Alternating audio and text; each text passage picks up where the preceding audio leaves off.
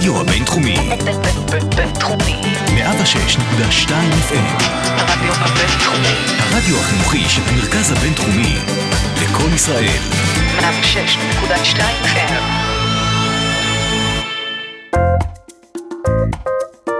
השעה הבינתחומית.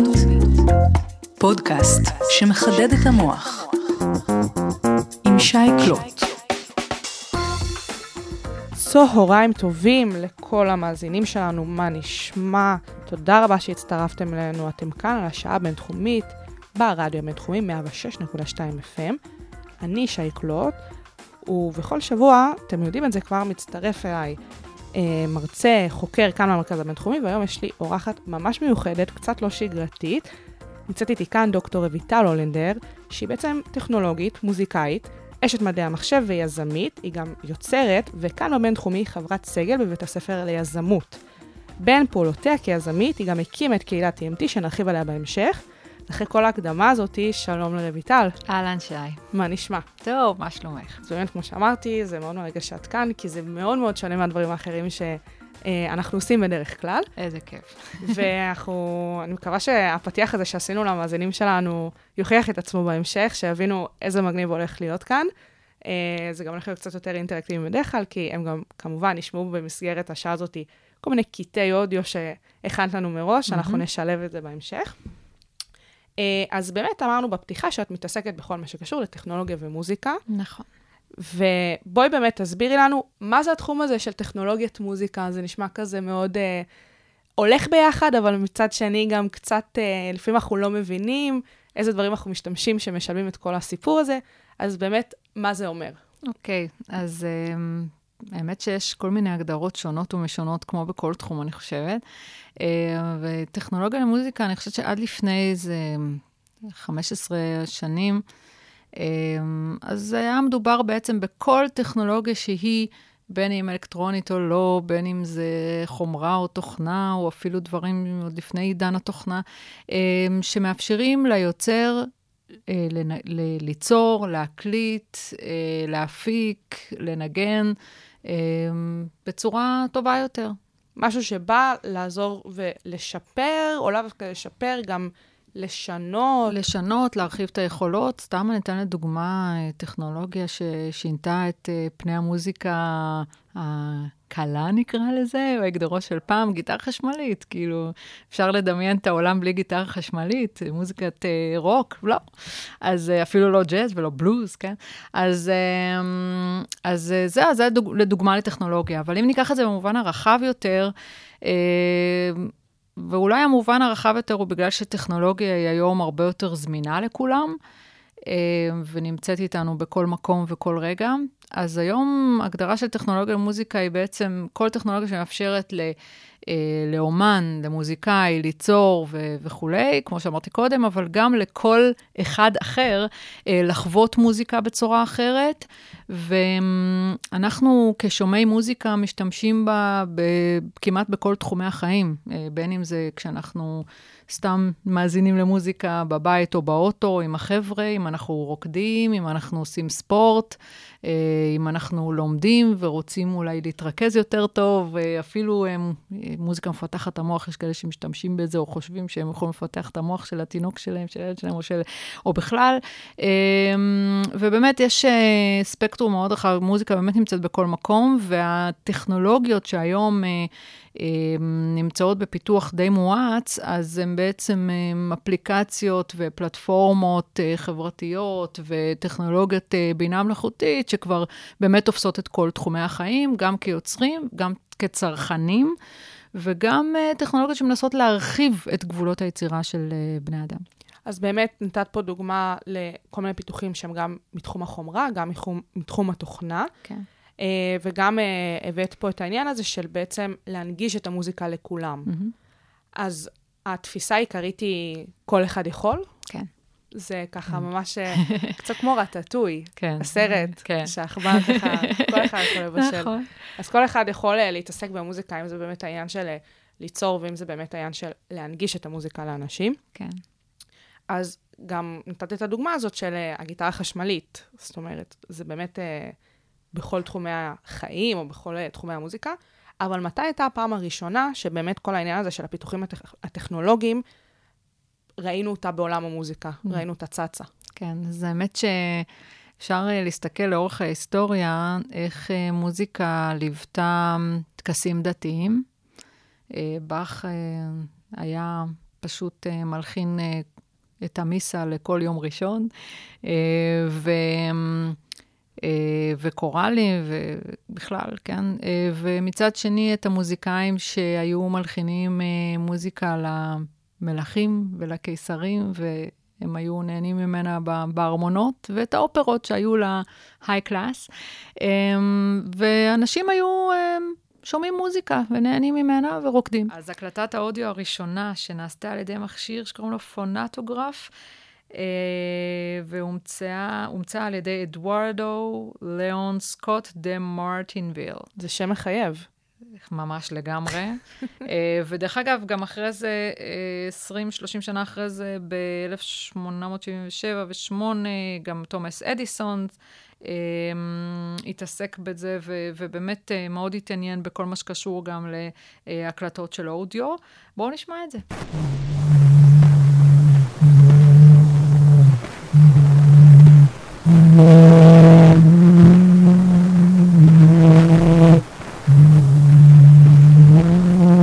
ובעצם, כשאנחנו מבינים מה קרה פה, זה אולי נשמע קצת מוזר ולא איכותי וכל זה, אבל זה תחילתה של מהפכה. אמ, לשמור אה, ולתעד אה, רגע של מוזיקה או של סאונד, זה, זאת ההתחלה.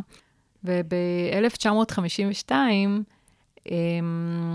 או 1954, לא משנה, אמ, בעצם אה, פיתחו את האלגוריתם הראשון שמלחין מוזיקה. כבר אז. כבר אז, כבר אז, אלן טיורינג, שהוא נחשב לאבי מדעי המחשב.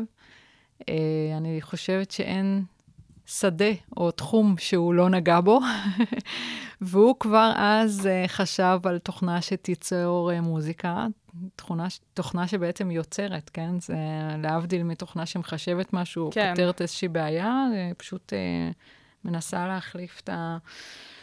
את החלק היצירתי שלנו וליצור מוזיקה, וכן, זו איזושהי נקודת ציון מאוד חשובה, אבל לקח עוד הרבה זמן עד שזה באמת קרה. עד שזה... כמו שהיום אנחנו יודעים שבאמת, אה, אנחנו, אני מאמינה שגם נשמע קטעים בהמשך של כל מיני תוכנות שיודעות להלחין מוזיקות, כן.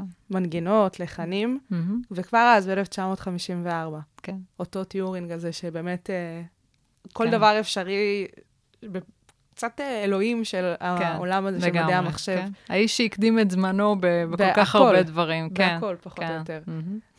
טוב, זה, זה, זה כל כך כיף לדעת דברים כאלה. כן. זה מדהים. אז אוקיי, נגיד אלן טיורינג, אנחנו יודעים שהוא איש מדעי המחשב.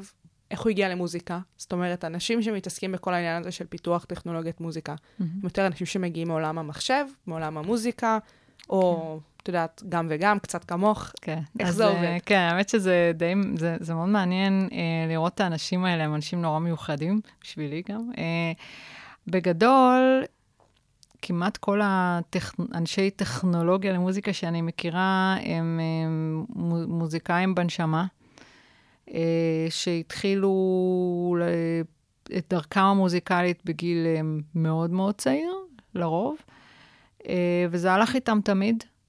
חלקם גם היו מוזיקאים מקצועיים, אבל תמיד היה להם את הצד השני של אהבה לטכנולוגיה, למתמטיקה, לאלגוריתמים, לפיתוח, אה, כל מיני, מכל מיני כיוונים. יש כאלה שהם גם מייקרים, שפשוט בונים כלים, אה, בין אם הם...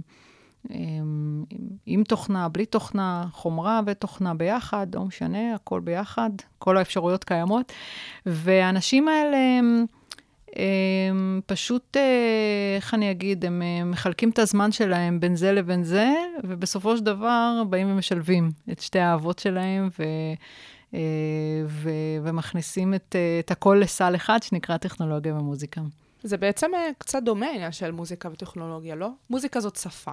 כן. וגם עניין התכנות, לצורך העניין, אם אנחנו מסתכלים על יותר עניין התוכנה, כן. זה גם שפה, כל השפות ג'אווה למיניהן וכל העניין הזה. אז יש פה אולי אה, יכולות דומות מבחינת אה, אולי אה, הצדדים במוח, ש... אני חושבת שיש הרבה דברים ש...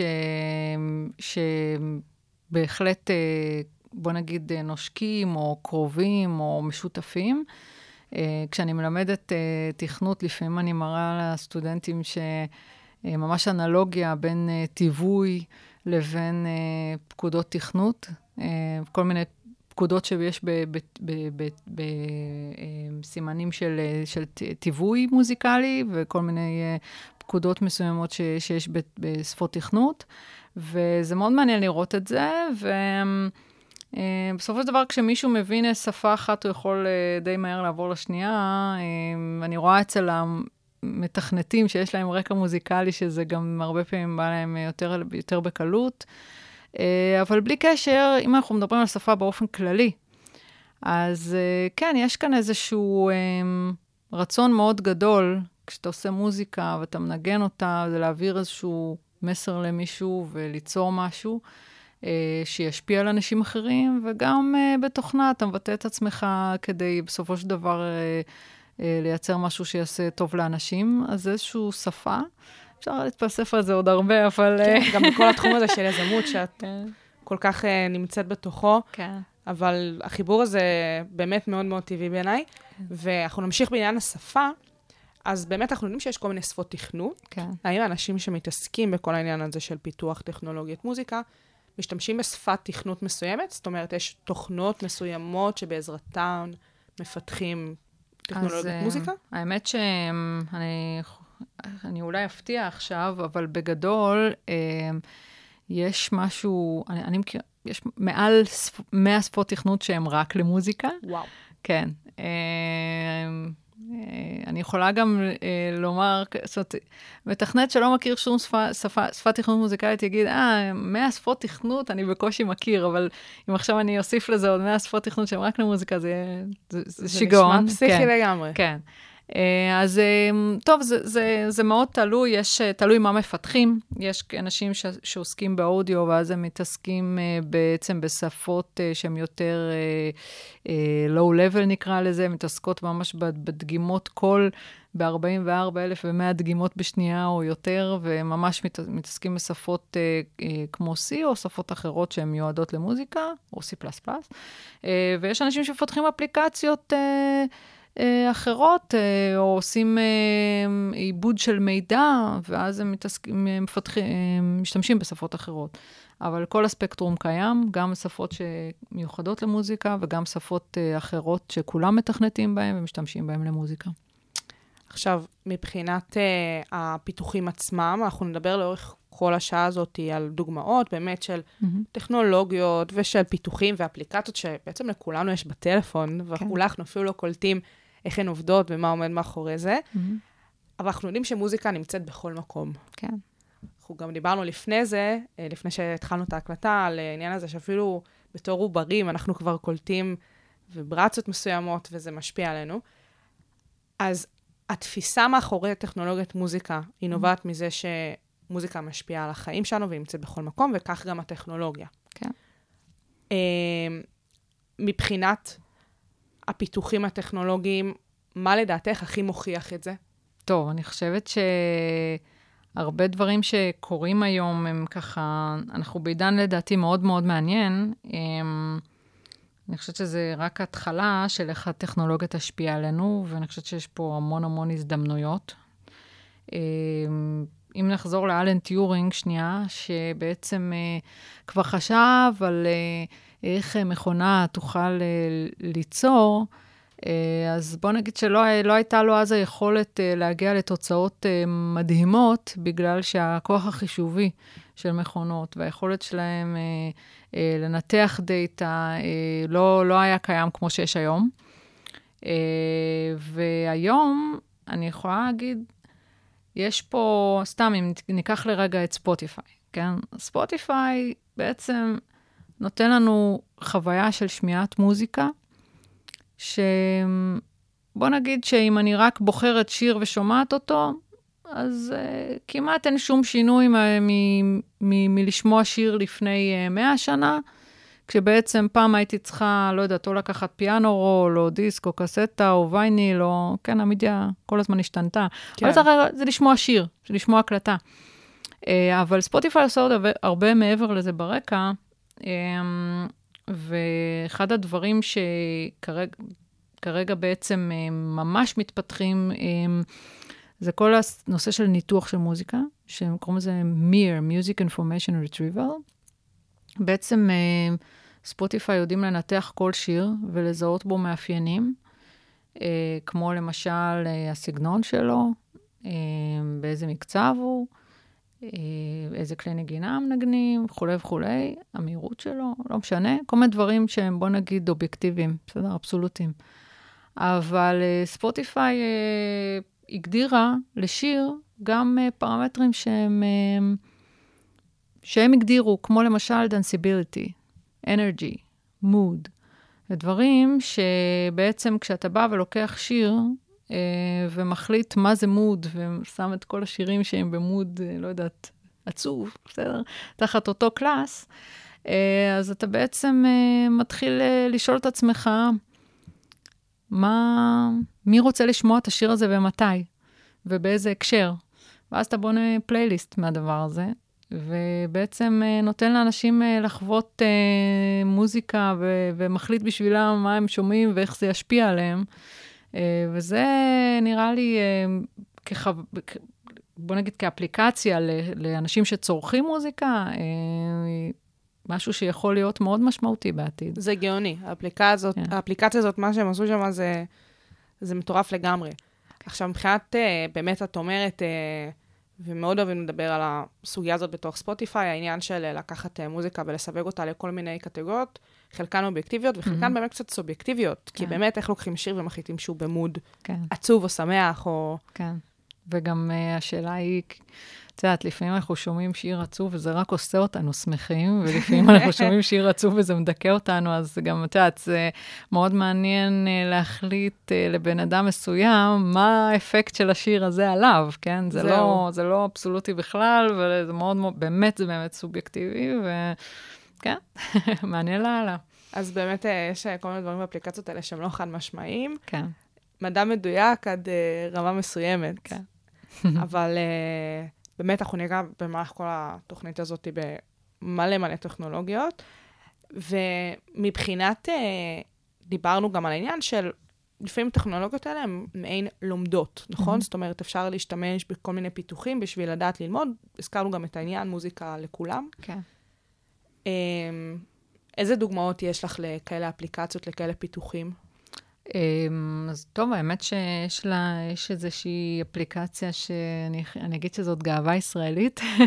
תמיד טוב. אמ, אז אה, יש חברה שנמצאת בתל אביב, קוראים לה ג'וי-טיונס, שפיתחה אפליקציה שהיום היא מספר אחד אה, ב App Store, אה, והיא אפליקציה שהיא בעצם אה, לטלפונים ולאייפדים, טאבלטים, אה, שמאפשרת אה, ללמוד, ללמוד לנגן בצורה מאוד מהירה. כרגע פסנתר, ובהמשך גם הם, שנה הם אמורים להוציא גם לגיטרה. ואם אנחנו נחשוב לרגע מה זה ללמוד לנגן בכלי, אז קודם כל, זה נורא מעניין למה בן אדם בוחר כלי מסוים ולא אחר. נכון, כן, זה גם משהו שכזה נורא מעיד על אישיות ומאפיינים ש... נוספים. כן, אני, אני חושבת שההתאמה של אה, כלי לבן אדם זה מעיד על אישיות. אני לא יודעת אם בן אדם תמיד בוחר את מה שמתאים לו, אבל כן. אה, מעיד על אישיות, אה, מעיד, מעיד על כל מיני דברים שקורים לך וגורמים לך לבחור בכלי מסוים. אולי צריך לפתח כזאת אפליקציה. כן. שאלונים של אישיות. כן. ואז אפליקציה מתאימה לך לאיזה כלי מתאים כן, לך ללמוד ולנגן. כן. אז אם אנחנו מדברים על בעצם אה, לימוד אה, נגינה בכלי, אז כל אחד בוחר את הכלי, כמו שאמרנו, ומגיע למורה, והמורה בא ואומר לו, הנה דו, הנה רי, הנה מי, בוא תנגן. ככה מפיקים צליל, זה נמצא פה, זה נמצא שם, הנה בתווים, יאללה, מתחילים לנגן. אה, וכדי להגיע באמת לרמה אה, מקצועית, זה לוקח שנים, עקומת למידה מאוד רצינית. יש גם כלים שההפקה הבסיסית של הסאונד היא ממש ממש אה, מורכבת. ויש כלים שזה יותר פשוט, ואז אתה... ו- וזה, וזה מצריך המון המון אימון. ומה שסימפלי פיאנו בעצם עושה, היא מקטינה את העקומה הזו במידה מסוימת, ומאפשרת בעצם לכל אחד uh, לבוא וללמוד לנגן שיר בצורה די מהירה, בצורה עצמאית. Uh, ואני חושבת שזה, בוא נגיד היום, uh, חלק גדול מהאנשים, uh, uh, מהמורים בארצות הברית, uh, משתמשים בזה גם עם תלמידים שלהם, זאת אומרת, זה איזשהו כלי עזר גם למורים, uh, וזה פשוט נהדר. זאת אומרת שמתישהו תפקיד המורה למוזיקה ייעלם? אני לא חושבת שהגורם האנושי ייעלם. אה, איפשהו אה, אה, אפליקציות יכולות גם להיות עוד יותר חכמות בעתיד, וגם לתקן את, ה, את הפוזיציה ואת הטכניקה שלנו וכן הלאה, אבל זה אף פעם, זאת אומרת, זה, זה כבר רמות מטורפות של... שאני לא חושבת ש... אי פעם הגורם האנושי ירד לגמרי מהסיפור הזה, אבל אני אגיד שלחובבי מוזיקה יכול להיות שכן. זאת אומרת, אה, חובב מוזיקה לא, לא בהכרח... אה, מישהו אה, שלא רוצה להתמקצע ב-100%, כן.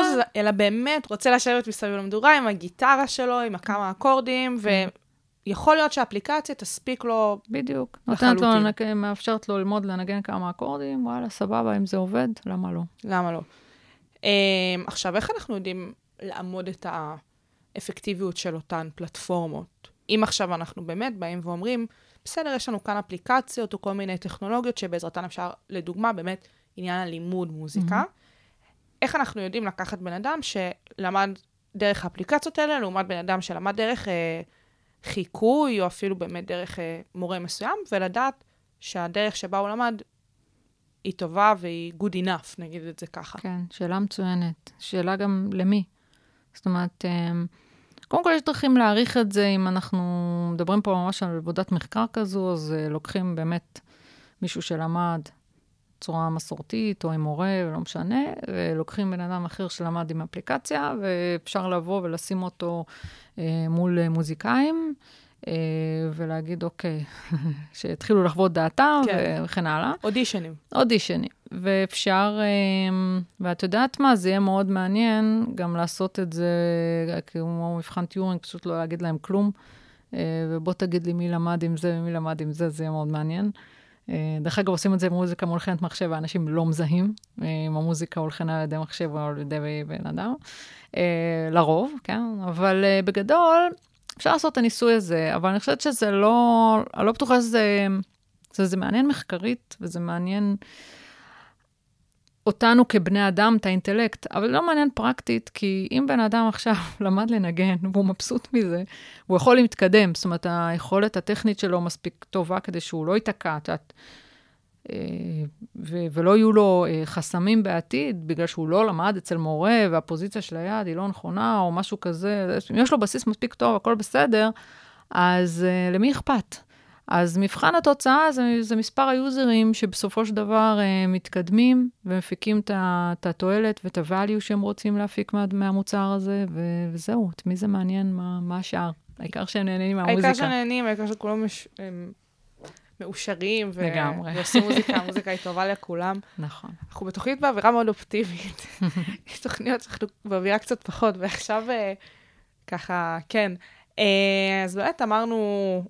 שזה מסוג הדברים שכן מעניינים, שלא מעניינים, אבל מבחינת באמת אה, אנשי עולם המוזיקה, כן? Mm. כי לפעמים קצת, אה, גם תלוי באיזה תחום מוזיקה מסתכלים, כי יש אה, באמת את התחום היותר קלאסי, כן. וכמובן mm-hmm. את מוזיקת הפופ, לאו דווקא מוזיקת פופ, אבל מוזיקה פופולרית. איך ההתייחסות של האנשים האלה לכל העולם הזה? כי הרבה מאוד מאנשי עולם המוזיקה לאו דווקא בעד הטכנולוגיות האלו, mm-hmm. אבל ככה, מה את יכולה לספר על העניין הזה? וואו, אה, המון. אה, אני אתחיל, אה, אני אלך אחורה לימים שלמדתי בבית ספר למוזיקה, והיה לי מרצה ש... אה, הוא היה מנצח אה, ומעבד של להקות ותזמורות ומה לא, ו... ואני זוכרת שבאותו בית ספר שהוא... אה, אה, לימד אה, מוזיקה מסורתית וכל זה, אז אה, אה, פשוט אה, היה שם קורס סינתזה די באחריותו, וכשהיו עבודות גמר של קורס סינתזה, אז הוא אמר, חבר'ה, זה לא מוזיקה, מה קורה לכם? ואת יודעת, ואני יכולה לתת דוגמאות של כל כך הרבה אנשים אה, ש... קומפוזיטורים קלאסיים ולא קלאסיים, שאו שהם לא כל כך, אה, אה, בוא נגיד, אה, תומכים בזה, ומאוד קשה להם עם זה, והם לעולם ועד יגידו שמוזיקה שהולחנה על ידי מחשב היא לא מוזיקה, אבל בואו נעשה להם את המבחן ונראה אותם מזהים. הם טובים בלדבר. כן, אני לא יודעת אם זה לדבר, אני חושבת שכאילו, אני אגיד בגדול, הרי איפה, איפה הבעיה, כן? איפה הבעיה? הבעיה היא שאנחנו רגילים שמכונות מחליפות אה, אותנו אה, בפעולות פונקציונליות, ואני סתם אתן דוגמה. נגיד, אה, אה, לא יודעת, אה, רובוט, שצריך לקחת אה, מתוך מחסן של אמזון איזשהו, אה, איזושהי חבילה. אז הוא יודע בדיוק איפה זה, כן? יש אה, סידור, ויש database, והוא בא, ויודע איפה זה, שולח את ה... נוסע לשם, שולח את הזרוע, מביא את החבילה, הכל בסדר. אז זה נכון שזה מחליף אנשים, וזו פעולה מאוד פונקציונלית, שבאמת גם כל בן אדם שיש לו את היכולת ארג- ארגון הזו, כן, והתמצאות במחסן, יכול לעשות אותה. לא צריך יותר מזה. ואנחנו יודעים שיש גם uh, מכונות שהן תומכות החלטה, או כן, זאת אומרת, מכונות ש, שבעצם מבצעות uh, כל מיני חישובים, ובסוף uh, או ממליצות לנו, או אפילו מבצעות החלטה. Um, דוגמה שאני תמיד אוהבת אה, לדבר עליה, כי אני בעצמי עושה כזה, פעם uh, הייתי מעורבת בפיתוח של um, תוכנה שעושה מסחר בבורסה, ובעצם בסופו של דבר מחליטה לקנות, למכור, מתי. וזה גם מרתק, ואיפשהו מחליף אנשים. פעם היו חדרי ברוקרים שצועקים, כן, תקנה כן. תמכור, והיום 70, 80, 90 אחוז, אם לא יותר, מסחר רובוטי. אבל uh, בכל, בכל הפעולות האלו בעצם לא הייתה מעורבת uh, יצירה. וכשאנחנו מדברים על מכונות שבאות ויוצרות, uh, מחליפות את ה... בוא נגיד, את החלק הכי, הכי, בוא נגיד, ברמה הכי גבוהה, את היכולת הכי גבוהה שיש לבני אדם, אז אתה שואל את עצמך, מה קורה פה? מה פתאום? המכונה לא, יכול ליצ... לא יכולה ליצור דברים, כן? אם היא מחשבת, היא מעבירה ביט ממקום למקום. היא היא? גולם, היא בסופו גולם, של דבר. איזה, כן. אבל uh, אנחנו רואים היום המון המון uh, פיתוחים, נקרא לזה, של בינה מלאכותית, כן? שבסופו של דבר uh, מנסים להחליף את התכונה הזו שלנו, uh, או, כן, להחליף או להוסיף, לא משנה. ו, ובאמת פה, פה נוגעים לנו, לקומפוזיטורים uh, uh, ולכל אחד אחר, כן? בכיס או בלב או באגו, ו... ואנחנו שואלים את עצמנו, האם זאת באמת יצירה? כן, מה, מה זאת יצירה בכלל?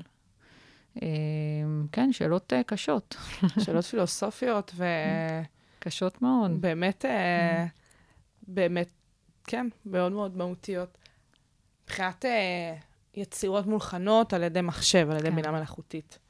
אז אנחנו יודעים, כפי שסיפרת, שבאמת יש אה, מבחנים שבאים ומשמיעים את זה לאנשים ואומרים להם, אוקיי, מה, מה המחשב יצר, מה, מה האדם? כן. ומה מה את אומרת מבחינת המבחנים האלה? מה התוצאות מראות? אז אה, טוב, אני, אני מכירה מבחנים מכמה עבודות מחקר שעשו. אה, אה, סתם לדוגמה, אה, מחקר שנעשה מהם במעבדות CSL של סוני בפריז, על ידי פרנסואה פאשה, שדרך אגב עכשיו אה, הוא עובד בספוטיפיי, אבל איש ש- שמתעסק ב deep learning, אה, ובכלל ביצירת מוזיקה על ידי מחשב, וניתוח של מוזיקה וכולי. והוא אמר, בוא, בוא, ניקח, אה, בוא ניקח איזה אוסף של יצירות של באך, בוא ניקח קוראלים, כי הן יצירות מאוד פשוטות, וככה כעבודה, עבודה, בוא נגיד ש, שהסיכויים שלה הם הכי גדולים להצליח. אה, יש לזה כמה סיבות, אה, אבל בגדול הקוראלים הם אוסף של יצירות שהן די, בוא נגיד, עם מכנה משותף מאוד מאוד גדול, ולכן אה, אפשר לבוא וללמד מכונה ולהגיד לה, תלמדי, תלמדי את כל, ה... את כל היצירות של באך, כל הקוראלים של באך, 400, משהו כזה. ו... ואז um, הוא נתן um, בעצם איזושהי מלודיה um, קיימת של תפילה, מלודיה של כזה שיר לותרני, זה נקרא. Uh, ואמר, uh, ובעצם נתן למכונה בעצם uh, ליצור את הקולות הנוספים, ועל ידי כך יהיה קורל. אז בואו נשמע את הקורל, שהולחן על ידי דיפ באך, שזאת מכונה שכפי שאמרנו, למדה 400 קורלים של באך, ועל ידי למידה עמוקה, Deep Learning בעצם מבצעת את ה... הלחן של שלושת הקולות הנמוכים. הסופרן זה הקול הגבוה שכבר הולחן, ומנגינה לותרנית, לותרנית ידועה, והאלט והטנור והבאס זה הקולות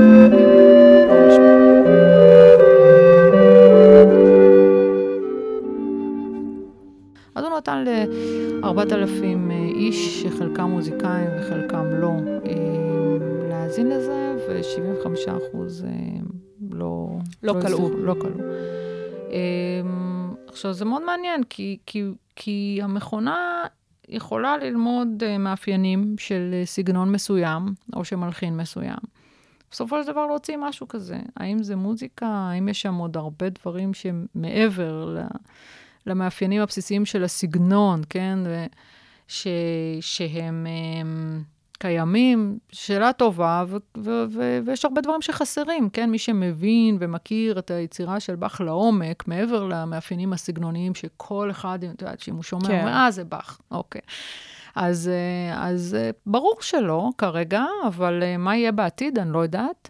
האמת שזה מאוד מעניין לראות גם האם מכונות יוכלו ליצור סגנון חדש, או דברים שאנשים עוד לא יצרו זהו, בכלל. זהו, כי יש טענות שהמוזיקה נגמרה. זאת אומרת, כבר כמה שנים, פשוט מאוד אנשים באים, חוזרים, ובדיוק חוזרים. חוזרים. כן. אז באמת מוזיקה יכולה ליצור סגנונות חדשים? עם טכנולוגיה. מאוד מעניין, אני סבורה שכן. זאת אומרת, הרי בסופו של דבר, גם בני אדם יכולים ליצור סגנון חדש.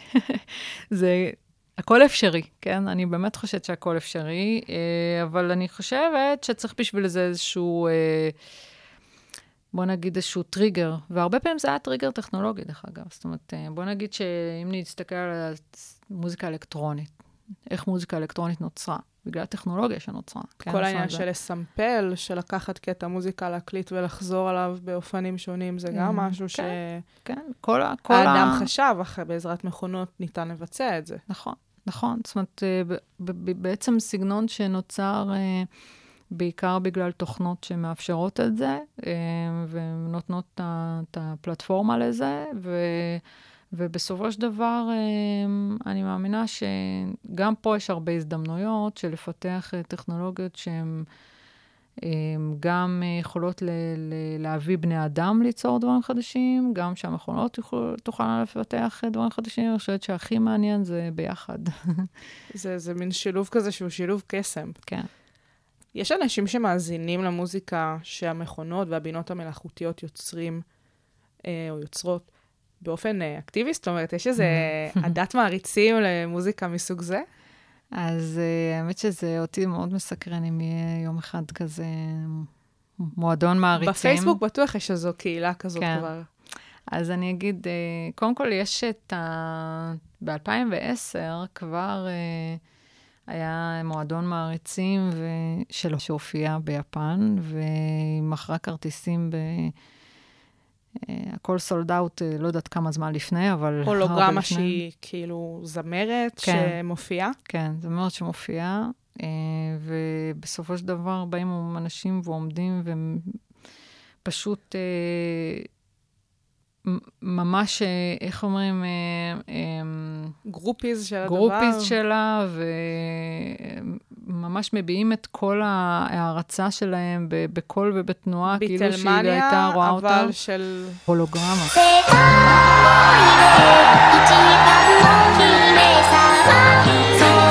אז ההולוגרמה היפנית הזאת, מה... מי זאת בכלל? איך קוראים לה? אז קוראים לה האצ'ו מיקו, והיא ממש הייתה פופסטאר. אה, עד היום אנשים אה, מחפשים אה, לשמוע, מנסים לעקוב, לראות אם היא עדיין יוצרת מוזיקה. אמ, היא לקחה הפסקה כזה, כן. כמו... כן, תשמעי, זה עניין מסחרי. אבל באמת, עניין של מועדון מעריצים, אז, אני, אז אה, גם החבר'ה מ-CSL, אני לא יודעת אם הם הגיעו לזה או יגיעו לזה, אבל הם רוצים בעצם אה, להביא אה, שיר, שולחן על ידי מחש- מחשב, למקום ראשון במצעד הפזמונים, וואי. בלי שידעו. מבחן טיורינג. ו- ואז בעצם, אה, ואז לחשוף את זה, שזה דבר מעניין, כי, כי זה באמת, את יודעת, הצלחה של שירים, יש להם איזה הרבה, הרבה, הרבה מרכיבים. זה גם השיר עצמו, נכון. אבל הרבה פעמים דברים שמעבר, זה הסיפור המסרים, זה וה- הסיפור, כן. זה האומן, זה כן, כן, הרבה דברים. אז בואו נשמע את הסימפוניה ג'נסיס, פנטזי in A- A minor, אופוס 21. וואו. כן, זה- מה קורה פה? מה עם השמות של? אה, חברת אייבה מלוקסמבורג, שמפתחת מוזיקה אה, מולחנת מחשב, ואני אגיד כמה דברים על זה. אה, קודם כל, זה נורא מפחיד באמת, כמו שדיברנו, קומפוזיטורים, ובכלל, כאילו, מה, את כולנו, אני חושבת שזה מפחיד אותנו לחשוב על זה שמכונות ייצרו מוזיקה, ומה זה יעשה לנו, ולאן זה יביא אותנו. אני רוצה להרגיע, במובן מסוים, אה, אולי זה, אולי זה מלחיץ את ההורים לגבי הילדים שלהם, מה הילדים ישמעו, מה יהיו ההשפעות, כן? ומה יקרה להם במוח, כי אולי יש שם איזה דברים סמויים לא טובים, אני לא יודעת. אבל um, בגדול, אני חושבת שמוזיקה זה תקשורת. מוזיקה זה תקשורת אה, בין בן אדם למוח שלו, בין בן אדם ל- לכלי נגינה ובין בן אדם לאנשים אחרים. ואני חושבת שאת הדבר הזה יהיה מאוד קשה למכונות להחליף. Uh, ואני חושבת שהדבר המעניין בכל התוכנות האלו ובכל הפיתוחים האלה, uh, זה בעצם להשתמש בהם כדי להבין מה זה מוזיקה בשבילנו, ובשבילי, לשימושים שלי, למחקריים ובכלל. מה שמעניין אותי זה איך באמת להביא למצב שכל אחד יוכל ליצור מוזיקה. הטכנולוגיה יכולה לסייע בזה המון. זאת אומרת, בלי הטכנולוגיה אני רואה קשיים גדולים ו- ובאמת עקומת למידה מאוד גדולה. אמ, אה, עד שבן אדם מצליח להגיע, ל- לשלוט בכלי או, ל- או, או, או לכתוב אפילו מוזיקה, ובעזרת הטכנולוגיה אפשר באמת אה, להביא למצב שאנשים יכולים לעשות את זה הרבה יותר מהר, ובעצם על ידי זה להנגיש להם את זה. אה, ודבר נוסף, אה, ספציפית לגבי היצירה הזו, אז אני, אה, תראו, יש, יש מוזיקה שנוצרת על ידי מחשב בצורה שהיא supervised, ואז בעצם בני אדם באים ומפקחים, ובעצם היצירה היא די משותפת, נקרא לזה. יש את הכוח החישובי הגדול של המכונה ואת כל הדאטה שהיא עיבדה וכן הלאה, אבל יש גם בן אדם שבסופו של דבר בא ואומר כן ולא. במקרה הזה, לדעתי, אני, אני יודעת שחלק גדול של המוזיקה של אייבה היא supervised, ויכול להיות שמיום ליום כבר זה לא יהיה supervised, אבל זה. התחיל ככה, כן. אה, ו, ויש מוזיקה שהיא לא, ובאמת אה, היא אוטומטית לגמרי. אה, וזהו, ככה רק לידיעה, וכולי תקווה שגם אם נשתמש במוזיקה מולחנת אה, מחשב, זה יהיה באמת אה, בשביל להגדיל את החוויה שלנו וגם את התקשורת שלנו, הבין, בין, בינינו לבין עצמנו ובינינו לבין אנשים אחרים. אז בואו נשמע. בואו נשמע.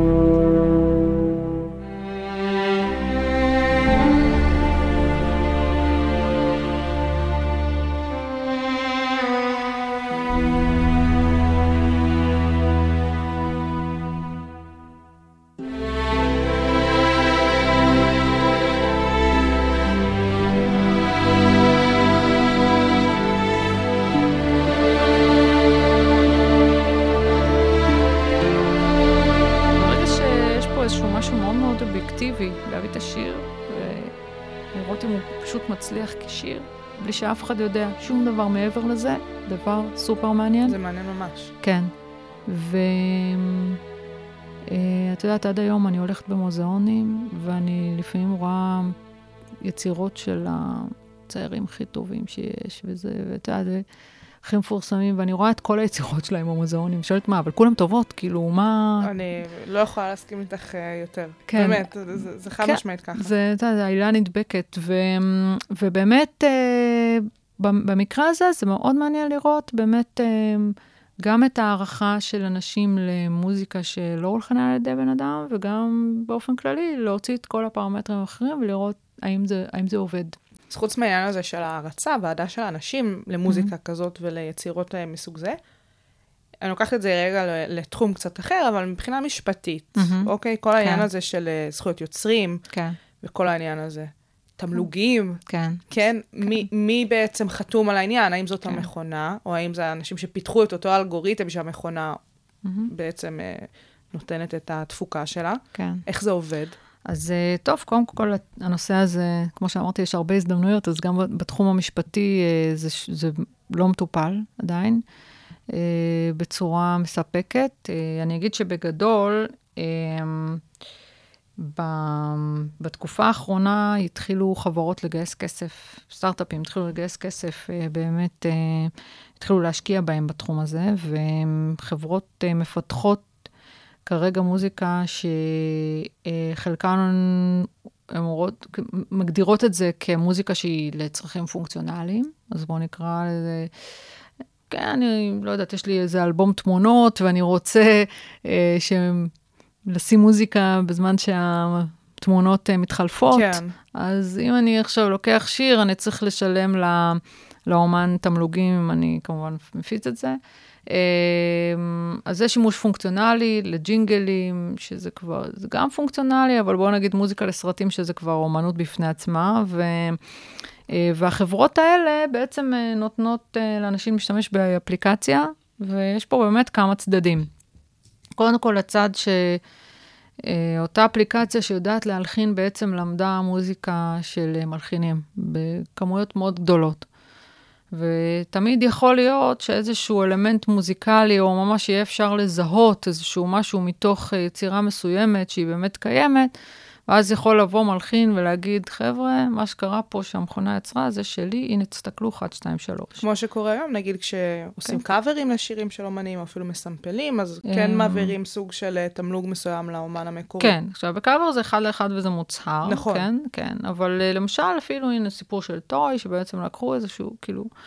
בסדר, אז אה, זה דבר אחד. דבר שני זה באמת היוצר של האלגוריתם. אה, ושל אה, באמת המפתח אה, והחברה שמפתחת את זה, שיש לה זכויות על מסוימות. כן, על הטכנולוגיה ועל ה...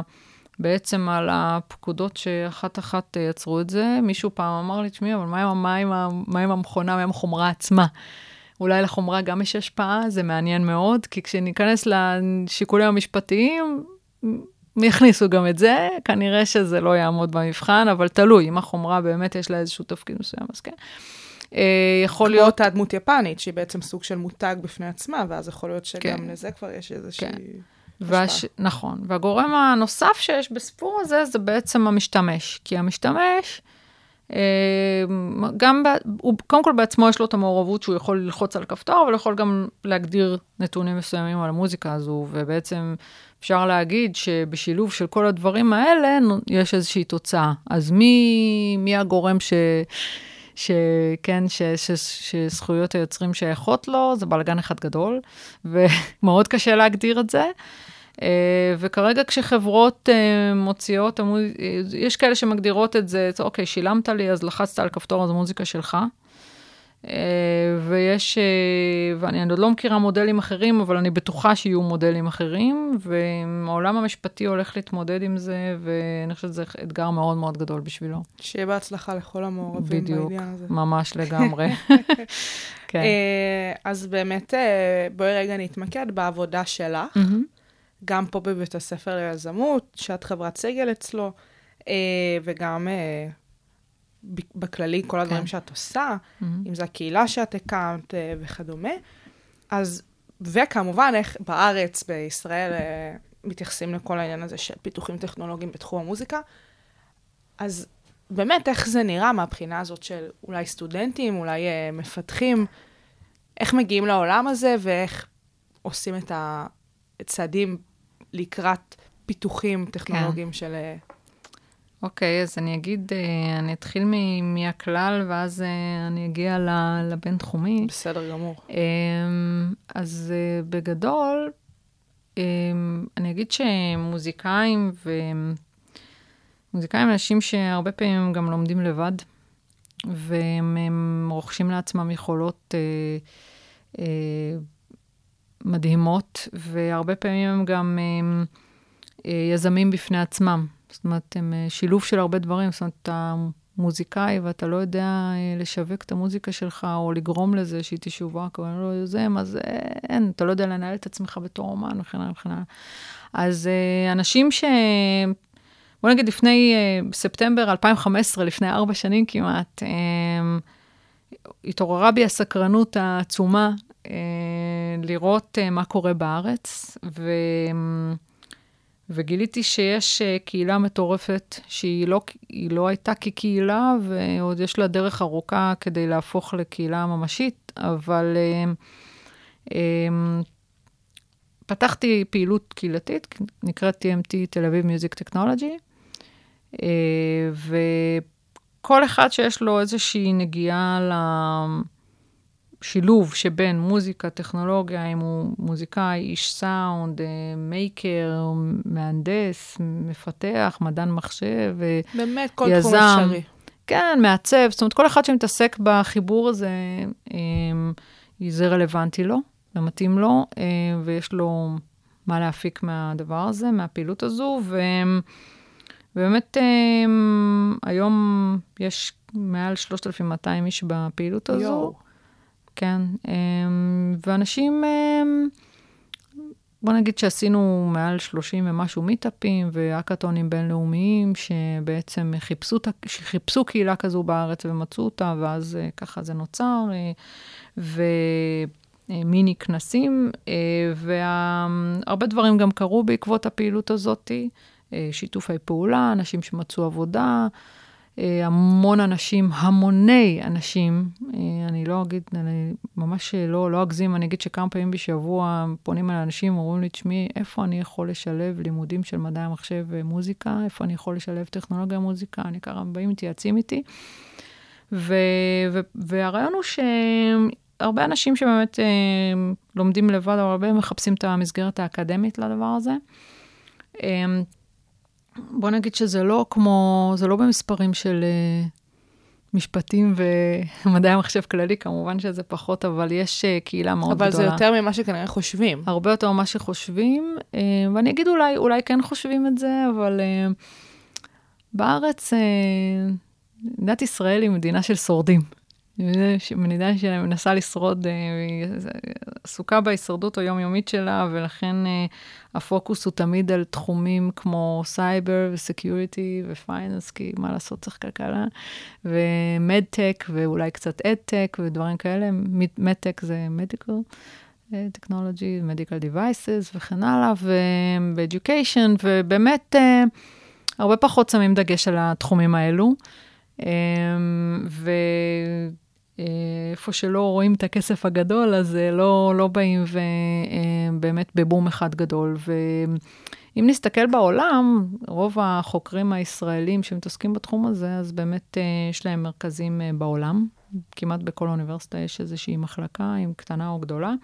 שמתעסקת בזה, ובארץ יש מעט מאוד, ואין עוד את ה... בוא נגיד, את המקום המרכזי, כמו למשל בסטנפורד. יש מרכז שאתה רואה שבאים כולם, מכל ה Bay Area, וכל החוקרים מכל ארה"ב מגיעים לשם בקיץ, ויש חילופים, ויש... אה, חילופי דברים ודיבורים ושיתופי פעולה ומה לא, ועדיין אין את הדבר הזה שבאמת ירכז את כולם, יש איזושהי פעילות נחמדה. דרך אגב, מחר אנחנו נפגשים ב-Joy מי שרוצה. מגיע מפתח קונטרולרים מדהים מסן פרנסיסקו, אבל בלי קשר, זה, כל פעם יש לנו מפגש אחר. אמ, ובגדול, אמ, אז יש המון המון אה, פעילות, ואני אגיד שאני מכירה מעל 120 מיזמים בתחום המוזיקה בארץ שהכרתי בתקופה מאז שאני מתעסקת בזה. אה, ולחשוב על המספר הזה ועל הכמות אנרגיה ש... אה, מושקעת בזה, וכרגע בלי הרבה תמיכה, זה די אה, חבל.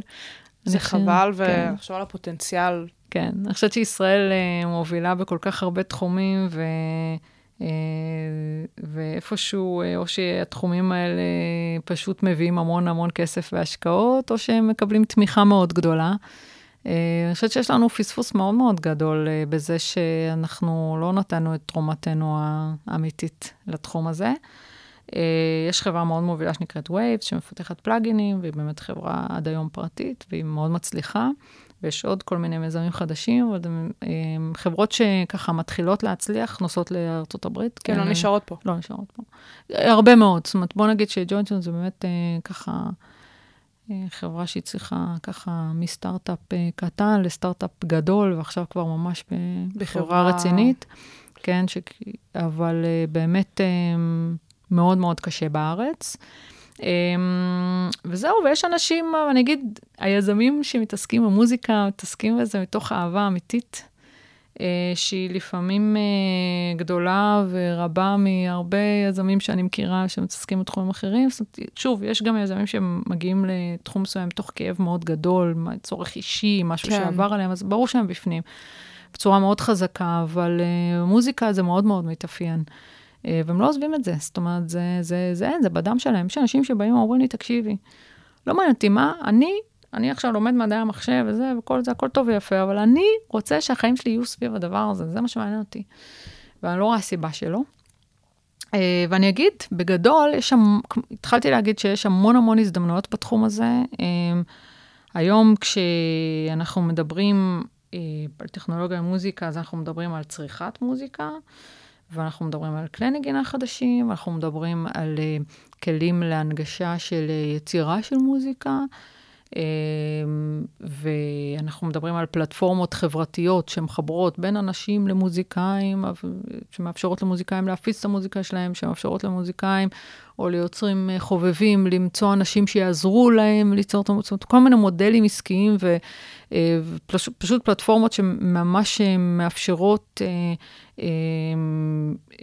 לתעשיית המוזיקה או לאנשים שעושים מוזיקה להתפתח בעניין הזה. גם לפני שאני אגיע לבינתחומי עוד דבר אחד, זה הרבה מודלים מעניינים שהולכים להשתמש בבלוקצ'יין. אולי, אני לפעמים מתבדחת עם חבר'ה שלי, כל מיני מכרים שלי מברקלי, אנחנו צוחקים האם המוזיקה, האם הפינטק ישנה את המוזיקה או המוזיקה תשנה את כן. הפינטק. בסדר, זה נחמד, אבל בגדול אני אגיד שתעשיית המוזיקה היא תעשייה מאוד מאוד בעייתית, ויש המון המון דברים שצריך לשפר, ויכול להיות שהמודלים חדשים אה, שמשתמשים בטכנולוגיות כאלו ואחרות, וזה לא משנה אם זה בלוקצ'יין או משהו אחר, אה, בסופו של דבר יאפשרו... יביאו את הבשורה הזאת של השינוי. כן, שהמוזיקאים ירוויחו יותר כסף, אה, שהמילמן ייקח פחות, כי ברור וידוע לכולם שהוא לוקח היום המון. שאומנים יוכלו לחיות בכבוד מהיצירה שלהם. אני אדבר אפילו על דברים מאוד מעניינים, כמו מודלים להשקעות במוזיקאים.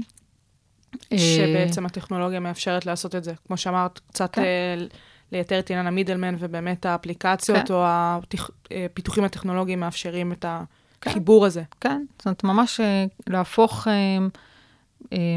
אומן לאיזשהו אסט שאתה יכול להעריך אותו ו- ולהחליט אם אתה משקיע בו או לא. אנחנו מכירים כל מיני מודלים להשקעות, ב...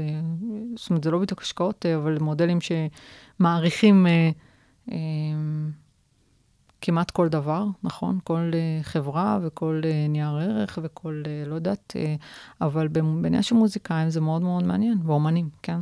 Uh, דרך אגב, גם בספורט. וזה הולך לשם באיזשהו... יכול להיות, יכול להיות, ויכול להיות שזה יאפשר למוזיקאים לגייס כסף ולחיות מהאומנות שלהם, כי, כי ההמונים רוצים אותה. אה, לא כולם אה, כמו בטהובן שזכו אה, נכון. למלגה מהעירייה ו... ולשבת בבית ולכתוב מוזיקה. אז זהו, ובבינתחומי, אני בעצם עושה כמה פעילויות אקדמיות, חלקן, אני אתחיל מהפעילות היותר הלימודית.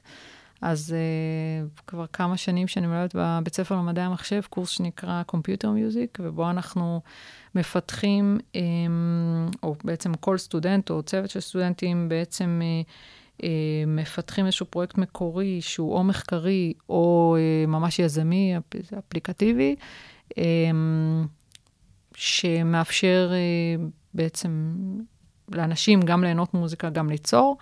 אה, והשנה היו כמה פרויקטים מאוד מאוד אה, נחמדים, שאפשר היה לבוא ולהריץ אותם אה, כסטארט-אפים ממש. וקורס יזמות ומוזיקה בבית ספר ליזמות, שפותח את האנשים לעולם של באמת יזמות טכנולוגית וחברתית, וכמעט כל דבר, יזמות ספורט, זאת אומרת, כמעט כל דבר שבעצם נושק למוזיקה. הופעות, אה, ממש כלים ליצירה. כל אה, השנה עשינו סיבוב ראשון של הקורס הזה, ויצאו דברים מאוד מאוד מעניינים. איזה כיף. כן, כן. ו... בא לי להגיע ל... לראות את הדברים האלה השנה, או מתי שזה לא יהיה. זה הלונה פארק, סטודנטים אומרים לי, אני, אני בלונה פארק. אה, זה, הרעיון הוא ש, שאתה בא ובעצם לוקח את הדברים שלמדת אם זה במדעי המחשב, אז את כל היכולות תכנות, וכמובן את כל התיאוריות והאלגוריתמים, וכל מה שאתה לומד, ובעצם אתה בא ומיישם את זה על איזושהי בעיה שנוגעת לך בתחום המוזיקה, בין אם אתה יוצר, יש סטודנטים שהם מוזיקאים, ובין אם אתה פשוט חובב מוזיקה, ואתה משלב בין uh, מדע, אה, טכנולוגיה, וכמובן הכי חשוב, אומנות, במקרה הזה מוזיקה, ולבוא ולשלב את זה, זה לונה פארק גם לראש. זאת אומרת, אתה, אתה בא ואתה מערב פה המון, אתה מביא לשולחן המון המון דברים משלך. אה, אני, אני רואה סטודנטים שפשוט אה, פתאום, פעם ראשונה שהם מגיעים למצב שהם יוצרים משהו. פעם ראשונה שבלימודים שלהם, אם זה מדעי המחשב, מגיעים למצב שהם באמת לוקחים את האלגוריתמים לאיזשהו מקום שמאוד נוגע להם והם אוהבים אותו, אה, והיישום הוא מאוד מאוד מעניין אותם. אה, לפעמים הם אה, מפתחים ממשקים, אז הם מתחילים לחשוב על, ממש על ממשק אדם-מכונה, על איך זה נראה, על איך מוזיקאי יחשוב, הם מתנסים בזה, מנסים את המוצרים שלהם אתם מביאים נגיד מוזיקאים לתוך התהליך הזה, מעבר לסטודנטים כן. שבאמת מתעסקים עם מוזיקה וכדומה, אבל כן. מן הסתם יש גם מוזיקאים, אה, סליחה, סטודנטים שנהייה שלהם במוזיקה היא פחותה עד לא כן, קיימת. כן. האם יש כן. מוזיקאים שמצטרפים כן. לתהליך, ואת יודעת, כן. יכולים לחוות את כן. דעתם? אז ו... יש לנו, אז קודם כל יש לנו מרצים אורחים, זאת אומרת, כל שנה אני מביאה מרצים אורחים, ואנשי הקהילה שמאוד אוהבים אה, לתרום את תרומתם וגם אה, מייעצים. אה, וכל כל שנה זה רק משתכלל. אני אגיד שהשנה הקמתי קבוצה שנקראת Smart Instruments, שבה אנחנו עושים את הפרויקט המחקרי שלי, שתכף נדבר עליו. אבל בגדול, הפרויקט הזה, הסטודנטים התחילו לעבוד עם, עם חלק ממנו השנה. אה, בעצם אנחנו פיתחנו פלטפורמה שמאפשרת אה, אה, לח, לכל מי שמפתח איזשהו ממשק, או לחילופין, כל מי ש... או, סליחה, אני אגיד קודם כל מה זה ממשק. ממשק זה איזשהו כלי נגינה שהוא כרגע אנחנו מדברים על תוכנה, נכון? כלי נגינה בתוכנה, שאתה יכול בעצם, אה, אה, לדוגמה, לנגן על מסך מגע, או אם זה ממשק שהוא גם אה, חומרתי, את, את, את יכולה להזיז, יש איזה שהם אוסף סנסורים שאת מחברת לגוף, וברגע שאת מזיזה את, הידיים או את הרגליים, איפה שהסנסורים נמצאים, אז בעצם זה מייצר... אה, טריגרים שמשפיעים על מוזיקה, אם זה כל דבר, זאת אומרת, אה, בגדול, ממשק זה כל מה שעומד בין בן אדם למכונה. אז יש סטודנטים שמפתחים ממשקים. אפילו שנה שעברה מישהו פיתח משהו, אה, ממשק שבו אתה מצייר וזה יוצר מוזיקה, יש איזשהו מיפוי מאוד נחמד, כן. ו, ובעצם אתה יכול לחבר את הממשק שלך לפלטפורמה, אה, ומצד שני, כל אחד שמפתח אה, אלגוריתם שמנתח מוזיקה, יכול לחבר אותו לפלטפורמה. ואז בעצם כל אחד שחיבר ממשק מסוים יכול להשתמש באלגוריתמים של ניתוח המוזיקה ולהפך. אה, וזה מאפשר כוח מאוד גדול, וגם ייתן חוויה מאוד מעניינת לסטודנטים להיות חלק מפיתוח של פלטפורמה. איזה כיף. אמ, כן, כן, זה איזשהו קומיוניטי בתוך הקורס. זה ממש ככה. כן. אז זה דבר הזה, ואני אגיד בגדול, כל הפלטפורמה וכל הפרויקט מחקר שלי בעצם בא ואומר את הדבר הבא, אה, כל אחד יכול ליצור מוזיקה. זה הלוגו של התוכנית הזאת עכשיו, נראה לי. כן, של כל אחד. הפרק הספציפי הזה, באמת. everyone, anyway, כן, כל אחד יכול ליצור מוזיקה. Um, הסיבה שלא כולם יוצרים זה כי מוזיקה היא דבר נורא מורכב. נגינה, ברוב כלי הנגינה היא נורא נורא מורכבת, שאנחנו מגיעים בגיל מאוד מאוד צעיר ל, ל, ל, ללמוד באיזשהו כלי, זה לרוב כלי מסורתי שלא תמיד מתאים לבן אדם ולא תמיד ה, הכלי מבין את הבן אדם, בן אדם צריך להבין את הכלי, ללמוד אותו, אה, ובעצם אה, זה, יש עקומת למידה רצינית של, בוא נגיד, בין חמש לעשר שנים עד שהבן אדם מצליח אה, להגיע לאיזשהו תוצאות, לאיזשהן תוצאות באמת טובות ומעניינות, ואני מדברת כרגע רק על נגינה, זה מה עם יצירה. זאת אומרת, אתה רוצה ללמוד ליצור מוזיקה, זה לוקח המון זמן. ואני חושבת שבאמת זה אפשרי, ומה שטכנולוגיה יכולה לעשות זה בעצם לסייע בזה, וכשאנחנו מדברים על מורכבות, אז טכנולוגיה יכולה לקחת חלק מאוד גדול בעניין הזה, ובשלבים מוקדמים להשאיר למשתמש באמת להתעסק בדברים מאוד מאוד פשוטים, ו- ותוך כדי זה לצבור ניסיון וידע וביטחון. ואני חושבת שכשבן אדם מקבל ביטחון ביצירה מוזיקלית שלו, הוא מקבל ביטחון בכלל. לחיים. זה, לחיים. זה ממש... יש לי מוטו כזה, שאת יודעת, המוטו שלי אומר, מוזיקה מגדילה, מפתחת את הביטחון העצמי שלנו, היא מפתחת את המוח שלנו, ו... ו... ועושה לנו טוב. ואם כל אחד, כל סטודנט היה יכול לחוות את הדברים האלה, זה פשוט היה נהדר. זה, אני חושבת שזה מה שאנחנו רוצים גם להביא להם כשאנחנו מלמדים אותם. ו... אני לא יודעת אם אי פעם כתבת שיר, אבל התחושה, אחרי שאתה כותב שיר, זה, זה, זה לא אמיתי. לא, לא יצא לי.